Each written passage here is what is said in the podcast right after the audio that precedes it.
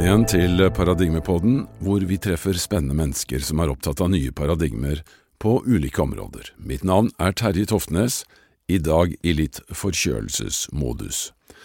Men vi skal møte en veldig spennende dame i dag, som har skrevet eh, flere bøker basert på kanaliseringer med noe som hun kaller um, The Syrian High Council.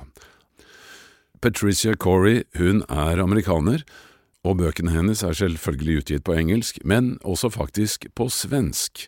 Uh, ingen mere hemmeligheter, ingen mere løgner, en håndbok for oppvekkende sjeler.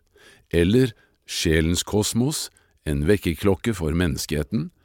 Eller Atlantis återoppstår, eller gjenoppstår som det heter på norsk, kampen mellom mørke og lys, blant annet.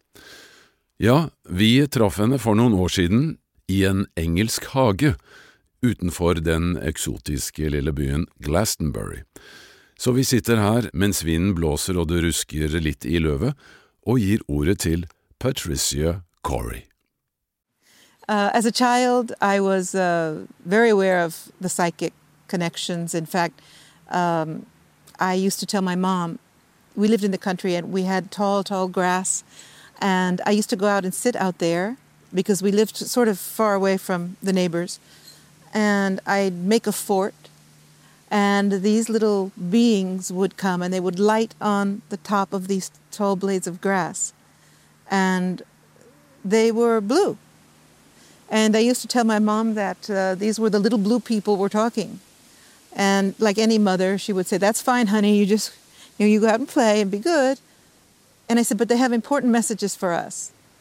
I realized after that, first of all, children are, in fact, in touch with other energies and other dimensions, and then we teach them not to believe it and uh, that it's only their imagination. But we know that children are still very open psychically for the large part. Before we had the discussion of the indigo children, still children are quite uh, aware when they're young, and then they're programmed to believe that it's not real. Uh, in my experience, I had a wonderful mother, and she had to protect me against talking about it in front of my father, who would have made me crazy. So we had the secret that I could talk about it with her. And she would later recount to me that uh, I said the most outlandish things, like, um, I'm not from this galaxy. Uh, do you know that there's a parallel universe? At the age of five or six. Now, I hate to give my age away, but we're talking about me being a child in the late 50s. So this language wasn't familiar to children then. It wasn't familiar to anyone then. And uh, I would tell her that there was a place called Atlantis, that I had been in Atlantis, and she had to listen. And she once said to me, much later in my life, you know, I can still remember what those things that you said as a child, and now it all makes sense. So I do believe that as a child, I was being connected with these beings, and that they were presenting themselves to me in a form that a child could understand. And this was these little beings. As I said, I called them the little blue people. And they had wings, sort of like Tinkerbell. And I would sit there for hours and talk to them, and then go in and tell my mother these pretty outlandish things. And this, all through my life, I've had this very powerful psychic ability. Uh, but of course, you suppress it growing up. And it started to resurface in my late teens. But it wasn't until 1996 I had an experience in the crop circles, which is discussed in, I think, more than one of my books, where I lost consciousness I, w- I was, it's a kind of another long story. I was, I dreamt about the crop circle at Stonehenge. Uh, I saw it exactly as it was, the Stonehenge uh, monument and then the huge Julia set crop circle. And a voice told me to pay attention, that it was important. It was an extra dimensional lock on point, and that this would make sense to me later on. And a number of uh, events occurred so that I was facilitated to go into that crop circle uh, very, very important one. I think it was the beginning of a big shift in the crop circle movement, if we want to call it that. And uh, there I, I couldn't get in fast enough. It was as if something was pulling me by the throat. And I laid down and lost consciousness.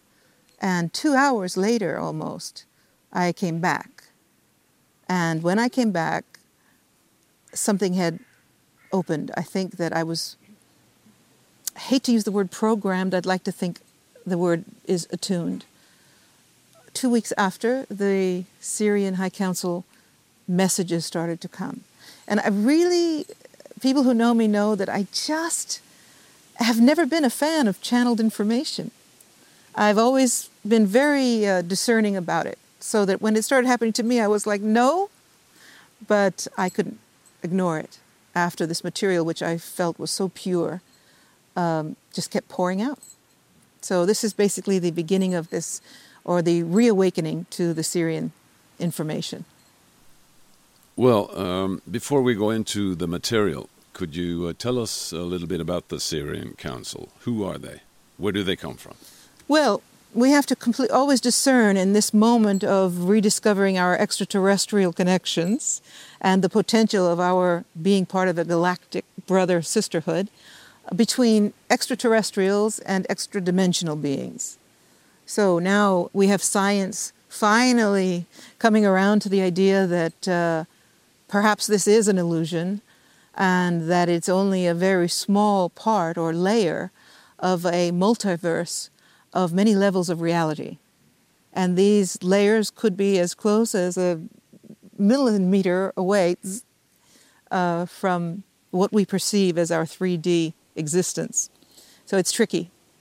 Uh, so we discuss not extraterrestrial, so it confuses people, but the possibility that there are there is consciousness on other levels of reality, and that they are communicating with us something like a radio station. Uh, having a, a, let's say a, a, more advanced skill and capacity and most likely range of possibilities with which to communicate they, it may very well be that they're able to tune into the third dimension uh, more easily perhaps than we are able to tune in to them. This also is very confusing because the scientists tend to look at dimensions as uh, descriptions of measure in some way uh, front, back, up, down, uh, and the spiritualists are still talking about other layers or, or densities of reality. And this is why I'm so excited about science merging. For example, Michio Kaku, who talks about 10 dimensional reality. Um, so, the common understanding amongst people like me who are working with these uh, energies uh, is that the fifth dimension is where the Pleiadians uh, connect from, and the sixth is, according to the information I have, Sirians, Sirian High Council, which is comprised of many groups of beings that are in other contexts or other densities of reality. Um, there are there's a committee of dolphins and great whales in their higher states of being that are sit on this uh, council that I will be writing about soon. Um, there are ascended masters, there are angelic beings, there's a number of different light beings that are operating from that density, uh, concerned with and trying reaching a hand, and let's say a metaphorical hand, out to humankind and other beings on this planet at this time of our very rocky transition. But um, when they call themselves uh, the Sirian High uh, Council, you should expect that they come from uh, the star system Sirius. And as far as I know, that's a, a physical place. And how does that fit with uh, them being uh, interdimensional beings? yes, people are questioning, since we know that Sirius is a star in our sky, in fact, it's the brightest star in our skyline, uh, sitting at the, at the, if you look at the, uh, the belt of Orion and you go straight down to the horizon, you'll see Sirius shining its beautiful blue-white light out of the sky. So it does confuse people that how can you say this is an ascended uh, star if we have it in the sky? And this is a very good question. And the answer is Sirius is a trinary system trinary. Yeah. Uh, I'm not sure about the grammar on that, but anyway, it's a triad star system. It consists of, um, oh, and by the way, the Dogon tribes uh, presented this to some of our researchers way before the scientists discovered these additional two stars. uh, the Sirians, uh, sorry, the Dogon did say that they were visited by beings from this star system. Uh, so there is the Sirius A, which is the one we look at in 3D. There's Sirius B, which the Sirian High Council say is at the sixth dimension. And this star, you may know, wobbles, makes the Sirius A wobble. This is how they discovered it. It basically disappeared from the third dimension. What has remained is a sort of a, of a shell, and the energy has ascended into the sixth dimension. And yet a third one, Sirius A, uh, sorry, Sirius C. Sirius C is has ascended to the fourth dimension, according to them. And it does sound pretty far out, but these are the kinds of realities we are beginning to discover in science as well. Very good. Well, I would like to uh, talk a little bit about the uh, the process of uh, of channeling, or or what you would like to call it.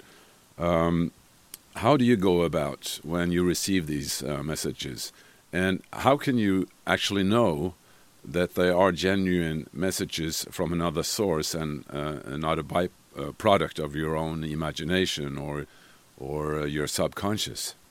Well, a lot of particularly skeptics easily say, well, this is all well and good and the information is very interesting, but how do you know that this isn't part of your own process or your own subconscious or whatever? And my answer to that is very simple I wish it were.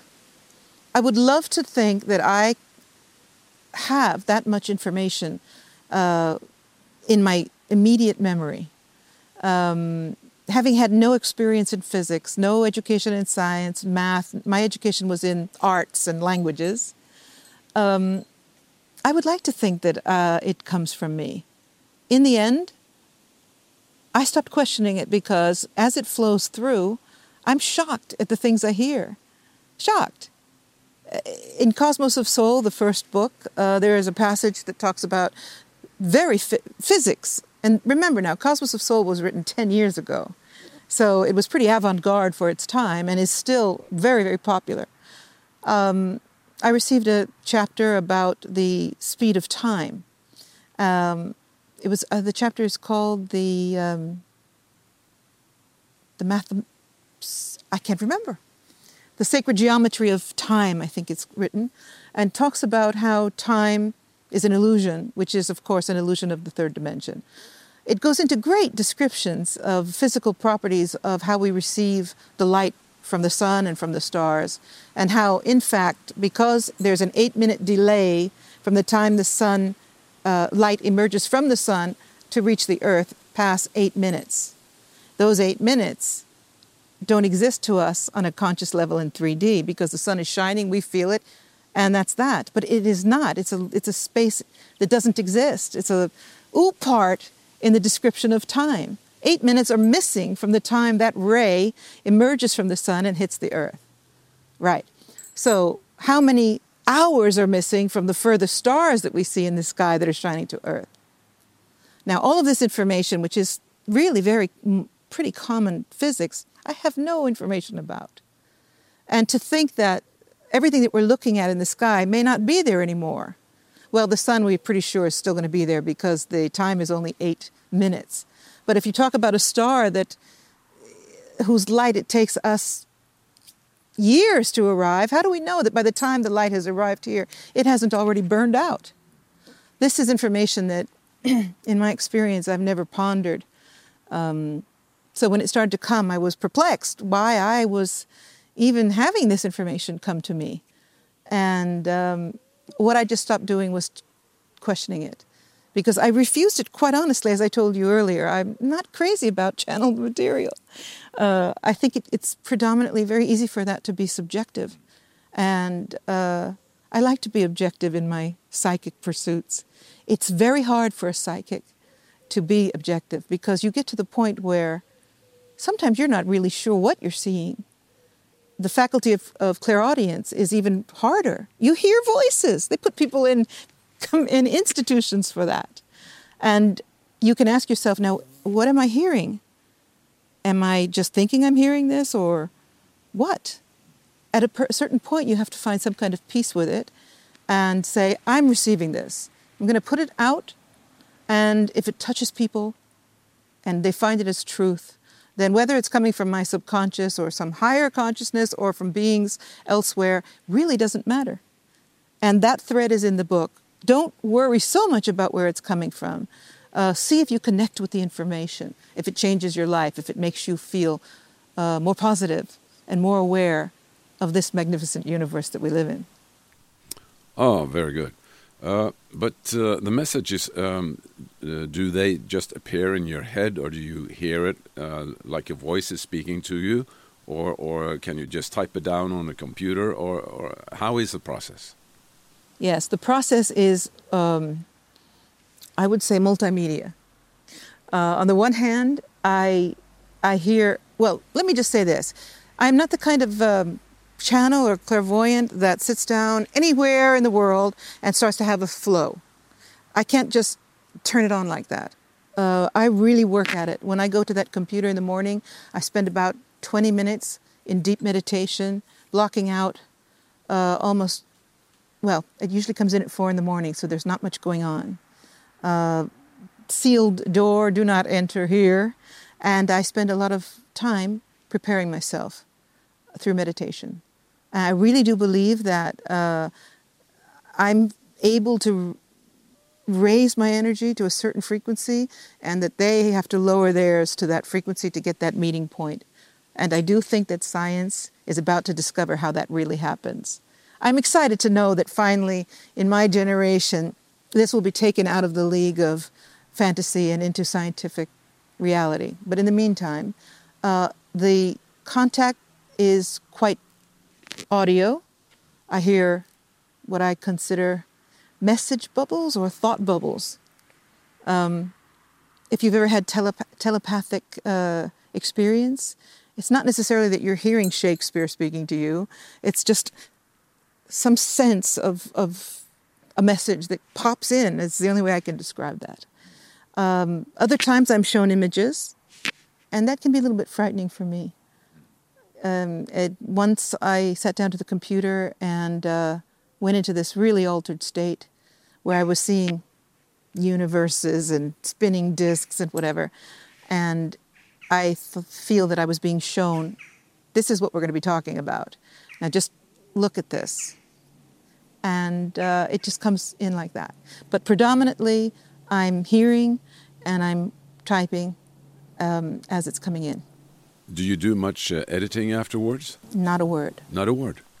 Cosmo, all three of the trilogy books, I did not edit a word. I just start, I could stop in the middle of a sentence sometimes. Just, uh, there was never a desire to finish the sentence with my own thoughts.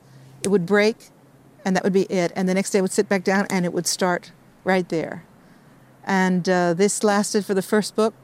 I never looked back when the book ended, The Cosmos of Soul, I could feel that they were going. And it was like uh, postpartum blues. No, no, no, don't go. Um, they left, or this is the ending of the book, and then 48 hours later, the second book began.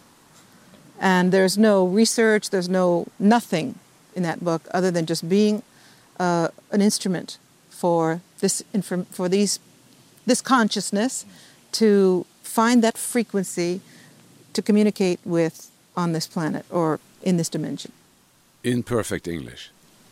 Yeah, this is something that's always people always say that isn't it interesting that they all speak English? And again, what we have to remember is we're not talking about extra uh, terrestrial beings. We're talking about that place in the universal mind where there is no um, separation. It's pretty hard to grasp this because we are still in linear thought. You know, if you speak perfect English because you learned it or you were brought up with it. But if you consider that everything in the Akashic record, everything exists, always has, always will. Every skill, every vibration, every sound is there. And that it may be difficult for us to imagine it, but on the other hand, why not? We imagine it when we make films. So if we can create a film that has that imagination in it, why can't it be that we, it's because we can reach past the limitations of what we think of when we think of our linear uh, capabilities? Okay. Well, um, your first book is called A Wake Up Call for Humanity. Uh, and it might sound like a silly question, but why does humanity need a wake up call? Let's put it this way we are supposedly Homo sapiens, the wise beings on this planet, the highest intellect on this planet, which I don't believe is true. I'm sure the whales and the dolphins outdo us. Just consider they have this much brain. A sperm whale has uh, 10 times the size of our brain. But if you look around at what we seem to be creating in these hours of our transition, I think it's time to rattle the population into an understanding that we are abusing the planet. We abuse our own bodies, we're abusing the planet, we abuse the animals. We can't even agree that there's a global warming while the ice caps are melting and our climate in, in cities is completely erratic, if not 5 to 10 degrees hotter. Scientists are telling us that if there is global warming, we will probably in 50 years see an increase in the temperatures around 2 to 3 degrees. Excuse me? I've seen an increase in the last week of 2 to 3 degrees. It's much more serious than we're being told. And unless we wake up immediately, drastically, to make the changes that are going to, to help the planet regain some sort of balance, there isn't much hope for this planet. Now, that said, I am an ultimate optimist, and I think that humanity has to be pushed to the limit before we get off of our assets and do something. And we are beginning to see this. We are beginning to see people uh, really moving into a new awareness about green and eco- ecological advancement. We seem to be getting this call, but boy, we are really up against the wall here. It's just like when you're in the university and you wait until the last night to do your 35 page thesis. This is how I perceive humanity. We are up against the wall and starting to respond, react to the urgent need. And that is the wake up call that was the 10 years ago in the book, which was considered pretty out there 10 years ago. And since then, we've got pretty remarkable support information from both sides, science and spirit, which is very exciting. Okay, very good. Well, uh, it seems to me that um, as humans, we actually have a kind of free will to do whatever we to do whatever we want on this uh, planet. But do you think that on another level, on a maybe divine level, that there is a larger plan for the human race or the human society or the planet as a whole?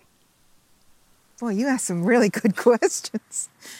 Um, I personally, my experience and my experience with the Sirians is that there is an overriding, more than a plan, pattern, design, through which we can experience as individuals choices that take us forward on what they refer to as the cosmic spiral of light.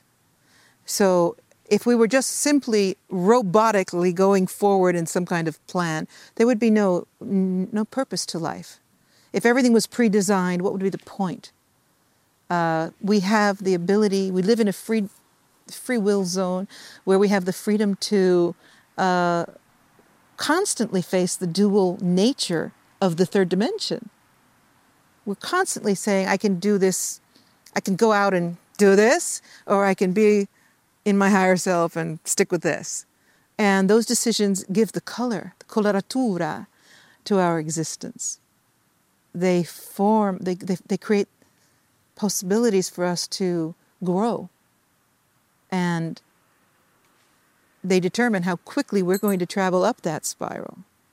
But nonetheless, according to pretty much all of the higher beings that I've connected with, uh, we all climb that spiral.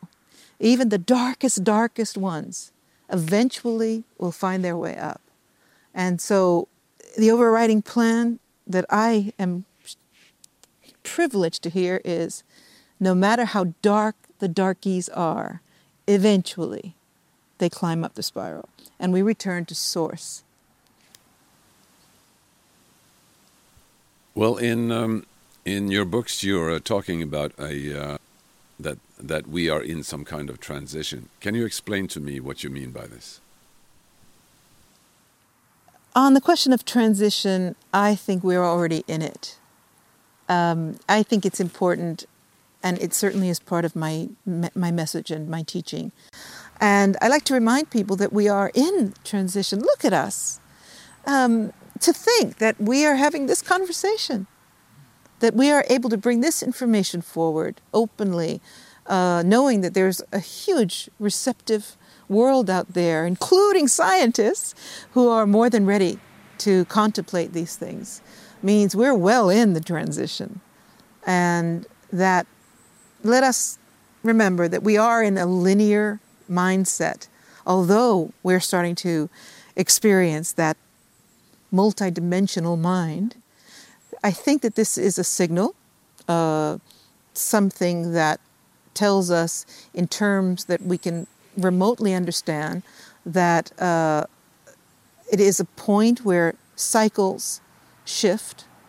The Mayan cycles, a lot of different huge cycles 2,000 years, 26,000 years all converge around that time.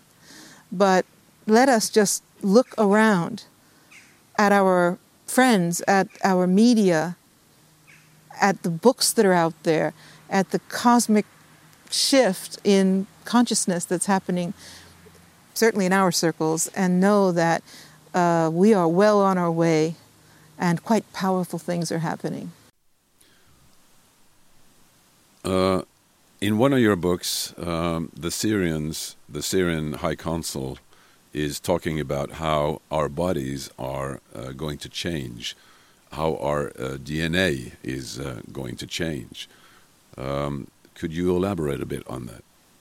Yes, the, the question of our emergence from two strands of DNA into the potential of being 12 stranded, 12 strand DNA higher beings is really very well described in the work that I've been privileged to bring through for the Sirians. Um, and this is a very a key part of our shift. According to the Sirians, there was an interference on this earth 500 million years, 500,000 years ago, or whatever, uh, which is amply described in the book and would take quite a long time to describe in detail. During this experience, there was another three dimensional group of beings that wanted ownership to this planet. And we were seeded by, you've heard of the Sirian experiment, uh, a, a number of higher beings, another of extraterrestrial beings, created a genetic experiment on this planet because it was the Garden of Eden. And the Sirians tell us that that's what they really mean when they talk about the Garden of Eden. It was the perfect template to breed a species, a designed species of beings that, according to them, were supposed to be light body beings walking. And they described the fact that Homo sapiens, regardless of our history, really was designed to be the guardian or the regulator of the entire third dimension, which is pretty avant garde as a concept. What happened was there was intervention so that that did not occur.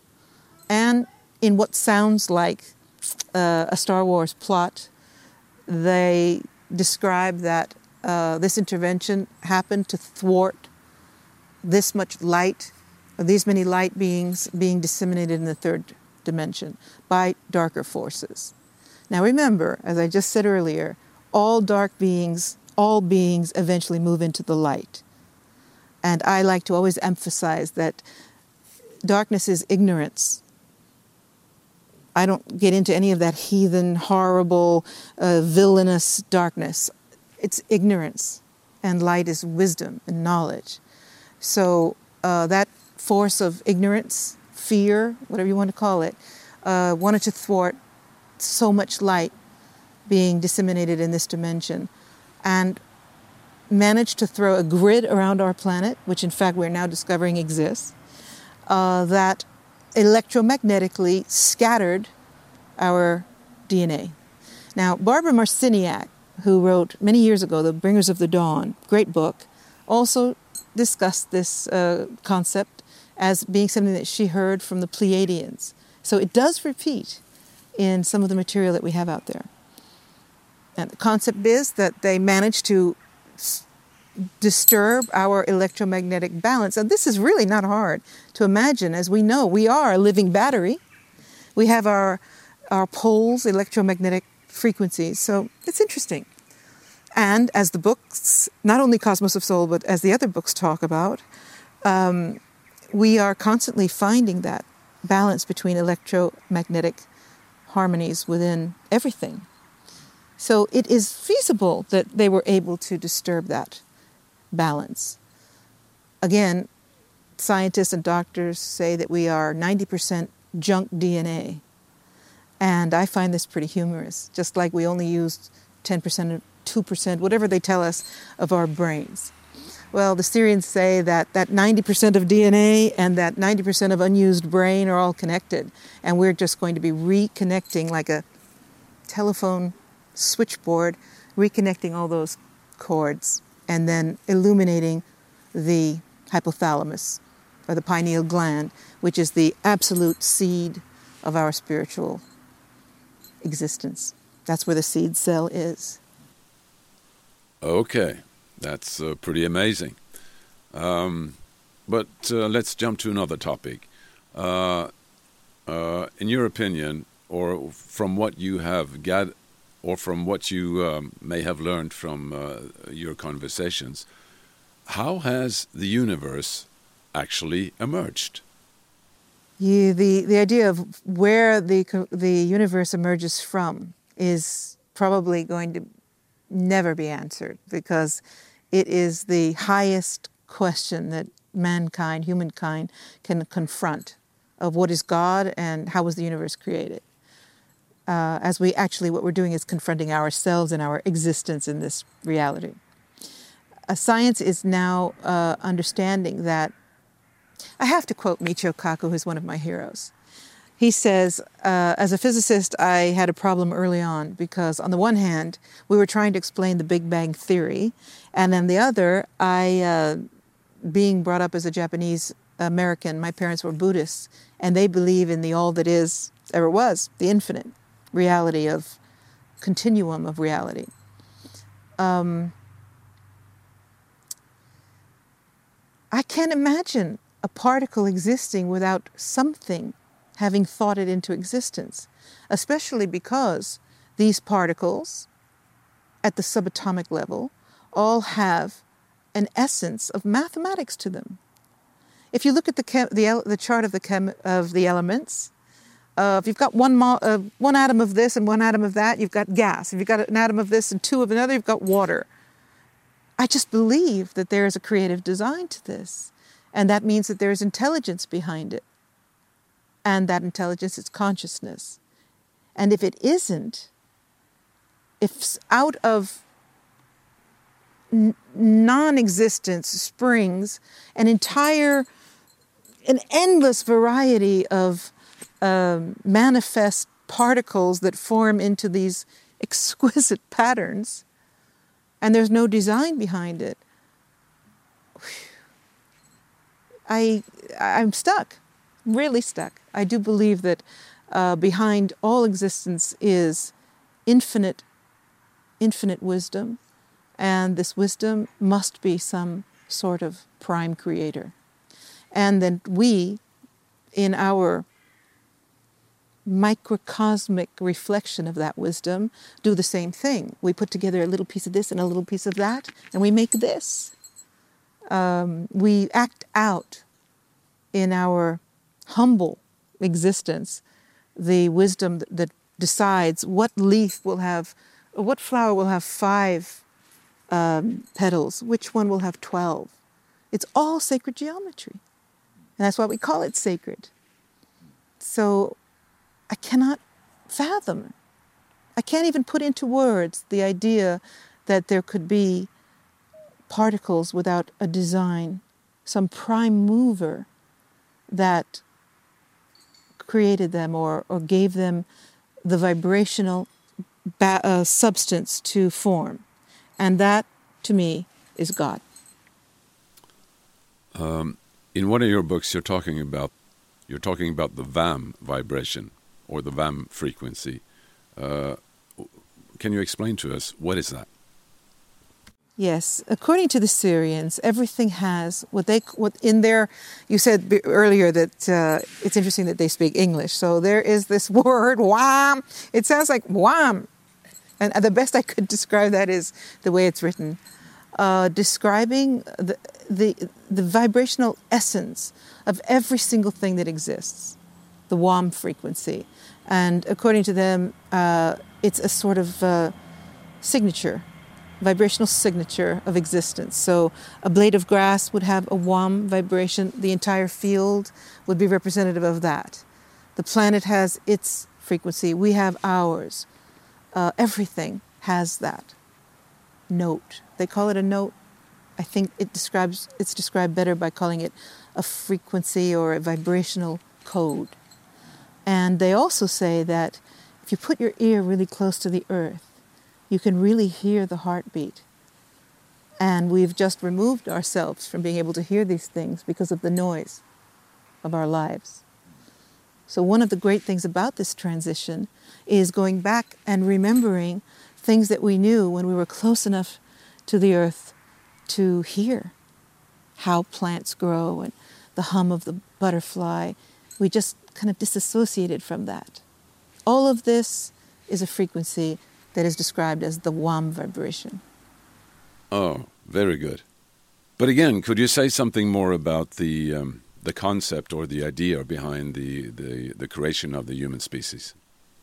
According to the Sirians, the human race, as I mentioned, is a genetic experiment. And this people really get nervous about this and say, well, that's not very light, Patricia uh, or religious people say that's ridiculous, only the Creator could create man. Um, and it's a delicate subject to discuss. What I like to help people with to be able to embrace this idea is to discuss how we do this. We do this to other species. Human beings are mixing genes and creating new species. And if that isn't being practicing uh, a godly capacity, then I don't know what is. So the question is more importantly, what is the intention? If beings of a higher vibration organized together to create beings of a very high frequency, in, I hate to say test tube, but in a controlled genetic process, would that be a negative or a positive thing? It's just like when we work on genetic reproduction or genetic, genetic manipulation of animal species, are we doing this for the highest good or not? And that is a very important element of any kind of question regarding this, this experimentation and the potential or possible creation of the human species. According to the Sirians, the intention was to create a very, very high level a highly evolved species that would illuminate the entire density of 3D and act as a guardian for the light. And I think that's magnificent, and I think that is a direct uh, assignment or a direct choice or free will coming from divinity. So, if that helps explain it, I hope that people understand that the idea that higher beings could have wanted to create or somehow genetically um, improve on a concept that would be able to seed a species of highly intelligent, highly wise, wise beings filled with light, then albeit. And then the next question is, but we're not. And well, yeah, we've had eight, uh, sorry, uh, 10 strands of DNA stripped out, dysfunctional. So imagine the wonder that we can create, even on both sides, dark and light, the magnificent invention that the human being is capable of. with two strands. And then imagine what we could do with 12. It's beyond imagining. Ah, intriguing. How does uh, the human soul come into the picture? I don't think that the soul descends into the 3D and gets stuck in a density of reality. I think that we are multidimensional beings, and it is our focus of the illusion of this field that we believe that we are limited to this reality. For example, people like me, other psychics that are perceiving, I mean, so many people now are really picking up all kinds of vibrations. Uh, does this mean that, what does this mean? When you talk about multidimensional reality, there are no rules. I think the soul is multidimensional and that it is capable of tuning into any frequency it wants. And that we are, despite the, dis, dis, the, the disarray of DNA bits and particles scattered within us, we have the capacity to communicate on any level. We do. It's just that the illusion makes us feel that we're not. But just think about sleep. Eight hours a day, every, hopefully, of your life, you're in some other dimension this is a reflection of your multidimensionality. If there was, if you were just a flat 3D guy, uh, sleep would mean turning off some kind of an engine and then you'd wake up and, and you'd be back in it. But the truth is, we journey like crazy in our sleep and have all these wonderful experiences and encounters with other beings. So I don't think the soul comes into 3D takes on the, the physical body and gets trapped in a lower dimension. I think that uh, the illusions of this place are usual, for me at least, are so beautiful that we get distracted and forget that when you look into the eyes of an animal, are you just stuck in some kind of a 3D reality? And then what is that reality? The answer is we are moving around, floating around in and out of so many densities all the time. And that just that being here in a body would probably mean that we are focused primarily on this fabulous illusion called Earth. I think as we move closer and closer to this time, 2012 and beyond, uh, it's going to become very different, this Earth and that what we perceive as uh, tangible is going to become more and more light filled. This is my hope for humankind. In your books, uh, you're also mentioning uh, the so called Akashic records. What kind of concepts uh, is, is that? If we imagine that everything that exists always has, always does, and always will, which is the essential understanding of the Hermetic tradition, of the Buddhist tradition, of most esoteric teachings. Uh, no, there was no Big Bang. Something had to activate the bang, so something existed before it. Or, for example, in, in some of the ancient Egyptian wisdom, uh, there was the mound, the primordial mound that arose from the sea. What was the sea? Who created that? There's never a point of solution when you look for what came first. And this is why science is starting to swing over to the esoteric side, realizing they cannot pinpoint that reality. So, if you can get around this idea that everything always has, always does, and always will exist, this means that everything that is imprinted in the history of existence, the infiniteness of existence, exists somewhere, exists at some vibrational level or some coded frequency. It all turns out to be frequency or vibrational code that holds all the knowledge. For example, in this leaf, we have all the knowledge of the species, we have all the knowledge of the tree, we have all the knowledge of what came before that one that dropped this leaf. And we know what it will be like in the future, don't we? We know the pattern because what exists now always has and always will. Even if it goes through a process of change or evolution, it holds the seed information. That's a very limited idea of what I'm about to try to explain. But the universe, the planet, all holds the wisdom, the frequency of all that has passed before and what will come. So, what do I perceive as the Akasha? Not a place, some people like to describe it as a hall of records where we discover a, a hall of gilded books and information. I believe that the Akasha is a vibrate a vibrational frequency where knowledge or experience can be stored. We're getting close to it with computers now, out there in virtual reality. We know it's there, we just can't seem to figure out how it is we get there. I mean, ask anyone, you know, how the internet works. We don't get that. We just know where we can access it. It's the same with all the knowledge that has ever existed and ever will being imprinted in some holographic computer that exists as a frequency or, or some sort of vibrational um, layer, for lack of non three dimensional terms, some sort of hologram where everything that is the design of creation is imprinted.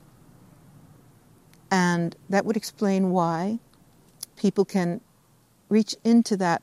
When they talk about reading the record, what they're talking about is attuning their own frequency to be able to access that frequency, as I described earlier in how I communicate with the Sirians.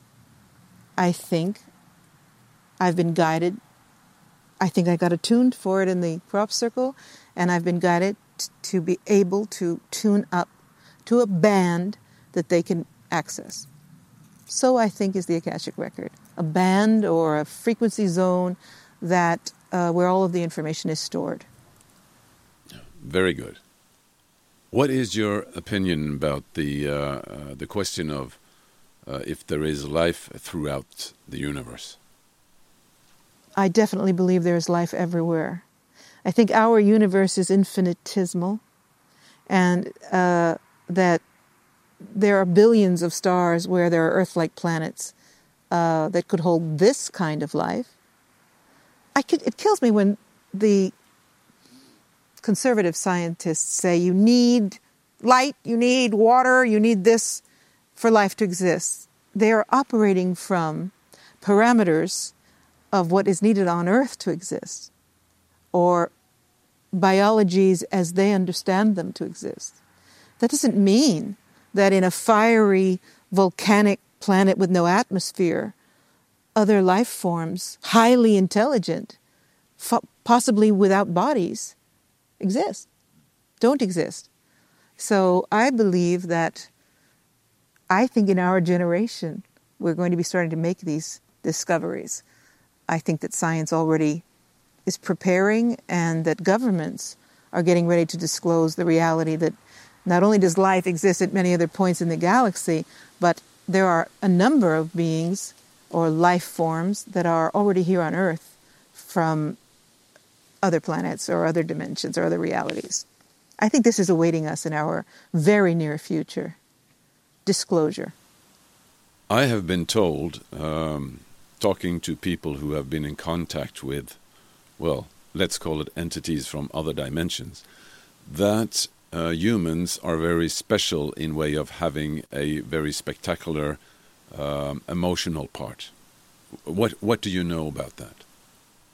Well, most traditions um, describe how being in a more evolved uh, state of mind or being involves feeling less turbulent emotion. In fact, the Sirians, I'll give you a story. I went once went into a crop circle. I, I got that tongue tie. I went once into a circle and I got a wave of emotion over me that I was unfamiliar I, I had not had such an experience before. I sat down in the middle of the crop and I started to cry. And this crying was not mine. I had no of my none of my personal emotions or thoughts attached to it. It just poured out. And people were looking at me because I was sitting there just it was weird. It was like a fountain and uh, uncontrollable crying. And I started to hear the sound. We want to feel human emotion. And I found it a little bit uncomfortable for me to be serving in that capacity. Uh, we want to feel it. We need to know human emotion. And it was somehow serving the council for them to be able to experience the range of human emotion as far as I could understand it. And they do talk about the fact that they do not have these huge experiences as we do. So we may, may have to sacrifice that, what we interpret as exhilarating emotion, for letting go of all the torturous, dark emotion. And uh, to understand that wouldn't it be better to live in a harmonious place where we're capable of a range, but not that extreme? Because you and I perhaps are blessed with living in a relatively joyous uh, state of mind, but for the mass population out there, there's a lot of suffering on this planet. So I'm willing to give up a little bit of my emotional range. Uh, so to think that humankind can find a higher place where there should, there should be no more suffering. Or at least it should be somehow refined into a band, a frequency band of uh, expression that is more balanced, closer to center. And I think that this is what we're moving toward. Okay.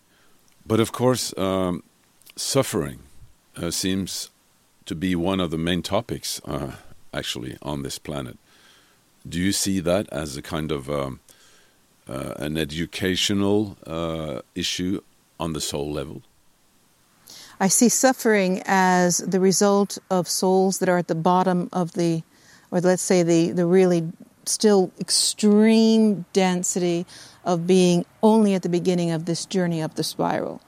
I see the process of sparks of light leaping out from the cosmic flame that is the all, God, creation, whatever you perceive that to be, the great fire, great light, uh, sparks of light breaking away and leaping into their individual experience and then slowly starting their way up that spiral. And that would be dark and difficult and painful because where there's a lack of light, there's suffering. And so we all have been there. If you can imagine your own eternal soul, how, how many lifetimes, however you perceive that to be, we have all been in the dark at some time in our journey up that spiral. Wow. Patricia, this has been so interesting, and uh, you've given a, you've given us a lot of information here. But if you would try to sum up your core message, uh, what would that be? I think what is important for every individual at this moment is to learn, to embrace the possibility, first of all, that you have existed forever.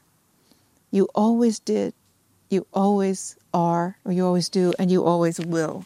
Because one of the great traumas of humankind is the contemplation of our own mortality.